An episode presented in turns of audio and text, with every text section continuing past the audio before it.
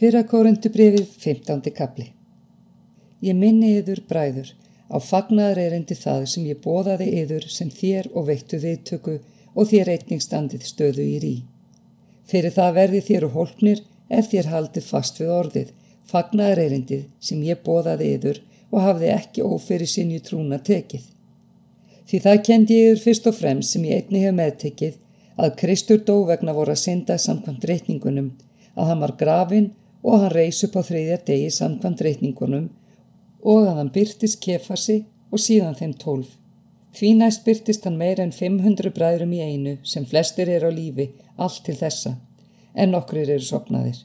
Síðan byrtist hann Jakobi og því næst postulunum öllum. En síðast allra byrtist hann einnig mér eins og ótímaburði, því ég er sístur postulana og er ekki þess verður að kallast postuli með því að ég ofsótti söpnuð Guðs.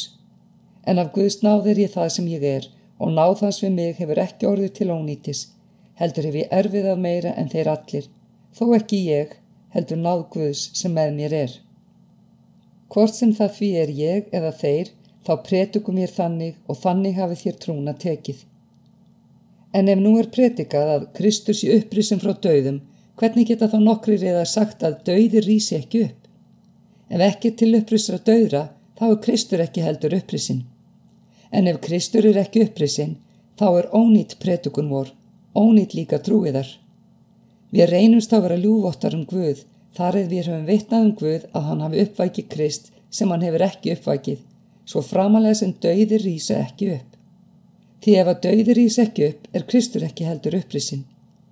En ef Kristur er ekki upprisin, er trúiðar fánýtt, Þér eru þá enni syndum yðar og þá er einni þeir sem sopnaðir er í trú á Krist glataðir. Ef von vor til Kristna er aðeins til þessa lífs, þá erum við ömkuna verðastir allra manna.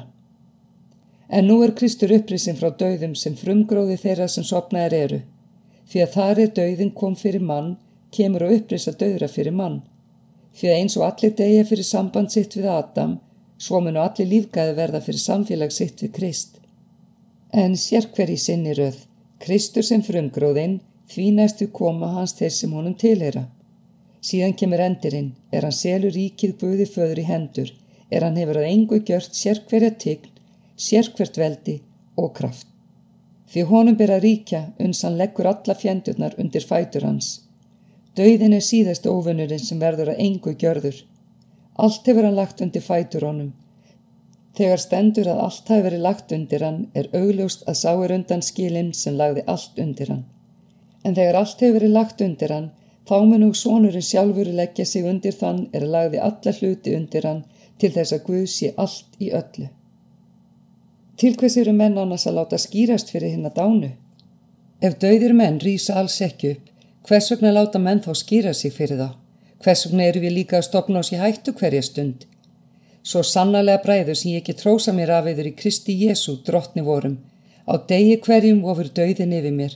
Hafi ég engöngu að hætti manna barist við villitir í Efesus, hvaða gagn hef ég þá á því? Ef döiðir í sig ekki upp, etum þá að drekkum því að á morgun degjum við. Villist ekki, vondur félagskapur spillir góðum siðum, vakni fyrir alvöru og syngið ekki. Nokkrir hafa enga þekkingu á Guði. Yður til bligðunar segi ég það. En nú kynni einhver að segja, hvernig rýsa döðir upp, hvaða líkama hafa þér þegar þeir koma?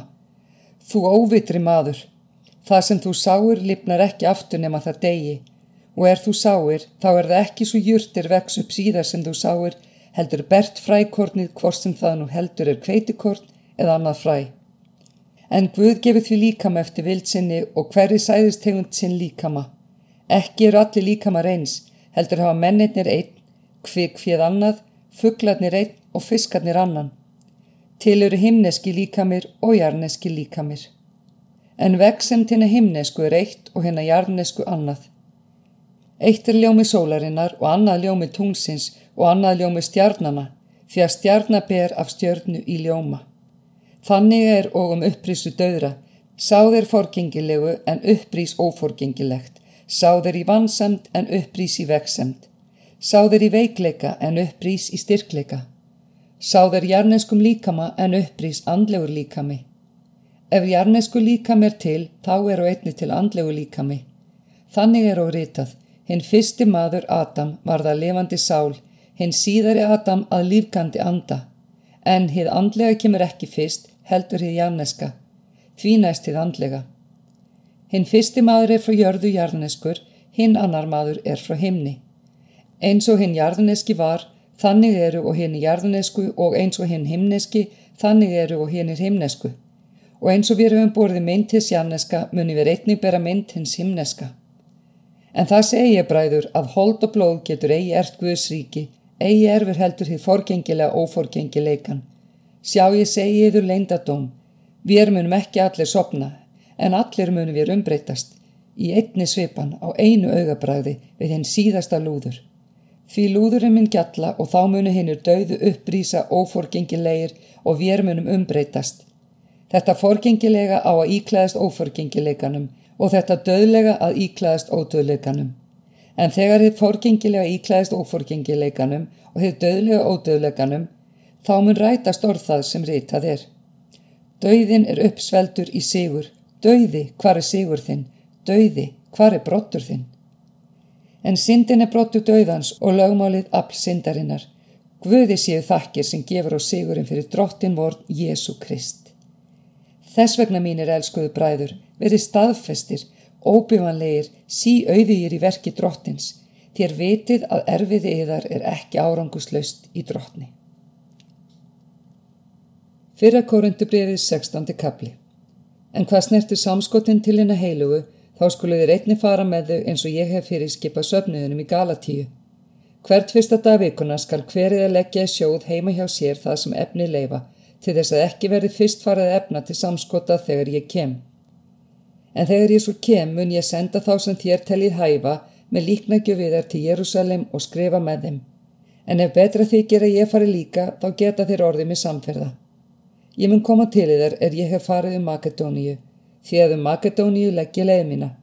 Ég mun eftir vil staldra við hjá yður eða ég vil dveljast vetralangt til þess að þér geti búið fermina hvert sem ég þá kann að fara. Því að nú vil ég ekki sjá yður rétt í svip. Ég vona sem sé ef drottin lofar að standa við hjá yfir nokkra stund. Ég stend við í Efesus allt til kvítasunnu því að mér hafa opnast þar víðardir og verkmiklar og anstæðingarnir eru margir. Ef tímatöfus kemur þá sjáu til þess að hann geti óttalust hjá yfir verið því hann starfar að verki drottins eins og ég.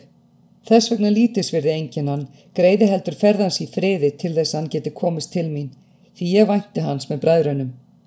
En hvað snertir bróður Apollós, þá hef ég mikilega kvartan til að verða bræðrunu samferða til yðar. En hann var alls ófáanlegu til að fara nú, en koma munan er henduleikar hans leifa. Vakið, standi stöðýr í trúni, veri karlmannlegir og styrkir, allt sé hjá yður í kællega gjört. Um eitt byð ég yður bræður, þér vitið að Stefanas og heimili hans er frumgróð akkefu og að þeir hafa helgað sig þjónustu heilagra síni slíkum mönnum undirgefni og hverjum þeim er starfa með og leggur á sig erfiðið. Ég gleðst yfir návist þeirra Stefanasar, Fortunatusar og Akkiakusar af því að þeir hafa bætt mér fjárvist yðar. Þeir hafa bæði glatt mig og yður, hafið mætur á slíkum mönnum. Söfniðnir í Asíu byggja heilsa yður, Akvilas og Príska á samt söfniðnum í húsi þeirra byggja kærlega heilsa yður í drottins nafni. Allir bræðurnir byggja heilsa yður, heilsi hver öðrum með heilugum kossi.